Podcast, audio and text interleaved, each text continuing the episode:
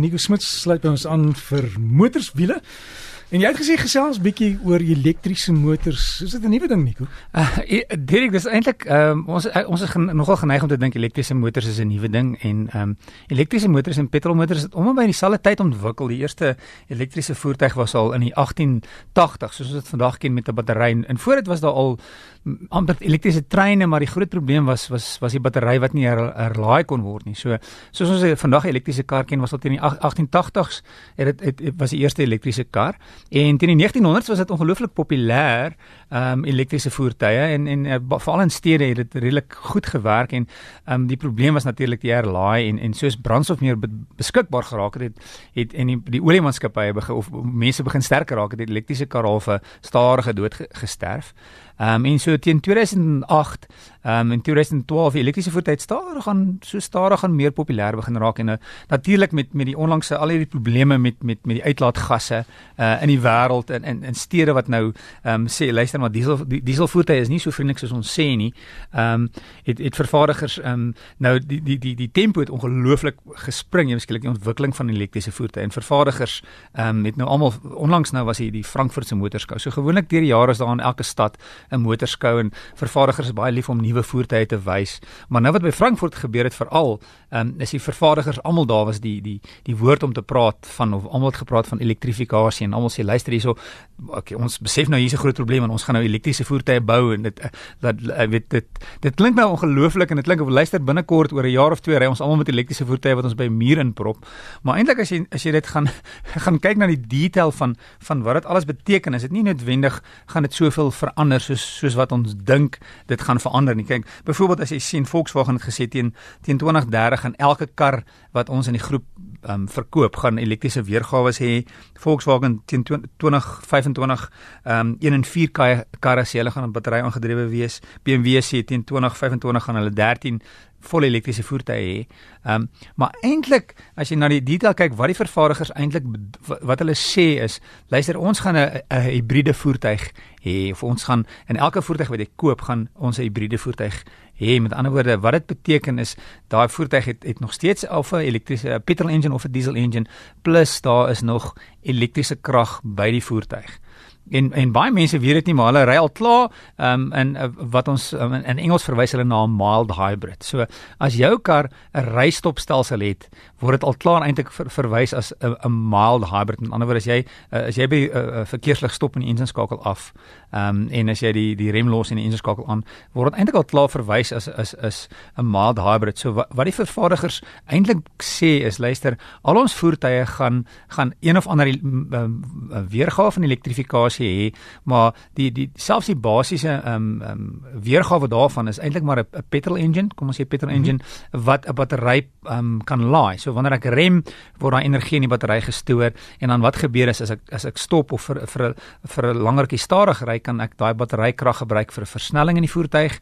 Wanneer ek stil staan, kan die battery dan die die sê nou maar die die die die ehm um, lugversorger ehm um, aan die gang hou en die radio aan die gang hou en dit natuurlik um, maak die die totale brandstofverbruik in die voertuig baie baie baie minder.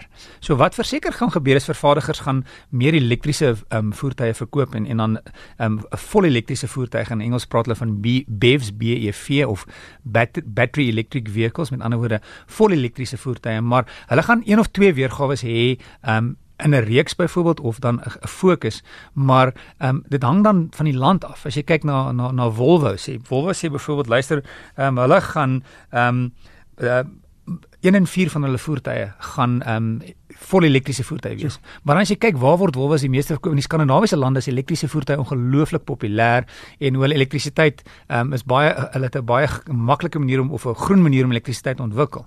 As jy dan kyk na lande soos Suid-Afrika, wat ons situasie is, is daar's uh, 'n uh, paar vol elektriese elektriese voertuie wat jy kan koop, maar meeste vervaardigers dit, dit verkoop nie baie goed nie. Dis nie regtig baie populêr nie. Ons probleem is nog steeds maar hoe ons elektrisiteit um, ontwikkel en dan wat wat die elektriese voertuie voertuie, die volle elektriese voertuie beter word is die rykafstand van die battery.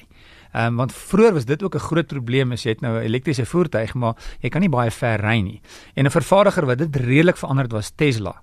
Um, Elon Musk wat wat wat um, ek weet nie of homself nog steeds as 'n Afrikaner noem nie, maar hy was um, in Pretoria in in in Boys High in Suid-Afrika groot geword. En ehm um, en uh, hulle het in, in 2008 het, het het Tesla hulle eerste voertuig um, ontwikkel of of verkoop wat wat en die die afstand die ryk afstand was baie goed. En soos die voertuie beter word en die batterye word beter, raak die ryk afstand baie beter. Die een nadeel vir vervaardigers is die koste. Dit kos ongelooflik baie nog steeds ehm um, vir elektriese voertuie. So hulle wins op elektriese voertuie is ook nie so goed soos hulle wins op petrol of diesel voertuie nie. So dis ook iets om in ag te neem. So ehm um, alhoewel jy al hierdie beloftes sien, dink ek dit gaan meer 'n stadige proses wees. Ons gaan dit beteken nie môre of oormôre of selfs oor 5 jaar is is petrol en diesel voertuie weg nie. Dit beteken net wanneer jy petrol of diesel voertuig koop, is die kans goed dat daar ook een of ander tipe batterystelsel is met 'n elektriese motor wat jou of met versnelling kan help of ehm um, of jy kan 'n kort ryafstand hê in die voertuig. Wat ek wel dink is stadig gaan dieselvoertuie se fokus minder word omdat veral die die die die uitlaatgasse in in in dieselvoertuie ehm um, van die uitlaatgasse is is baie sleg vir die omgewing. Baie stede wil dieselvoertuie verban. Gaan ons dalk meer minder sien 'n fokus op op diesel, baie fokus op petrol, maar ek dink jy hoef bekommerd te wees oor jou Hilux bakkie nie. Dit gaan nie wees oor 'n jaar dat jy jou Hilux by 'n muur moet inprop en dis die enigste manier nie. En natuurlik die groot ding Suid-Afrika is die groot afstande wat ons moet ry. Ehm um, gaan ook vir 'n lang tyd dink ek nog steeds elektriese voertuie keer in ons mark. Is jy ooit geskaal elektrik motor stil gaan? O ja, ek het nooit een gehaat nie, maar ek kan nie vir die karre maar net onder sulke paaltjies sit. Ja, weet jy wat, dis dis nog 'n goeie opsie. Ek weet ehm um, um, op 'n stadium was daar mos in Frankryk wat hulle pad gemaak het vir ek dink vir 'n kilometer was was met sonpanele. So dis eintlik nie 'n slegte ding nie. Eh, as jy as jy ek het nog nie nagedink as jy as jy twee en moet net nie in die pad vat as jy verby ry nie. ja, nie ry as dit reën nie. Ja, ek dink daar's allerlei ander maniere wat wat vervaardigers wil sê, wat kan ons doen? En die groot koste natuurlik uh, nog een ding is natuurlik die, die batterykoste, die koste van batterye self. Byvoorbeeld Mercedes-Benz sê ons gaan nie ons eie batterye ontwikkel nie, dit kos ons te veel geld. Ons gaan eerder iemand anders kry wat batterye ontwikkel en dan hulle batterye inkoop om die kostes te bespaar. So, hoe meer elektriese voertuie, hoe meer gaan die kostes afgaan en meer en meer soms dalk meer in die stede sien, maar op die platteland, dis nog 'n rukkie vir ons elektriese voertuie gaan sien. Want ek dankie vir al daai inligting, veilig ry en skoon ry. Ja,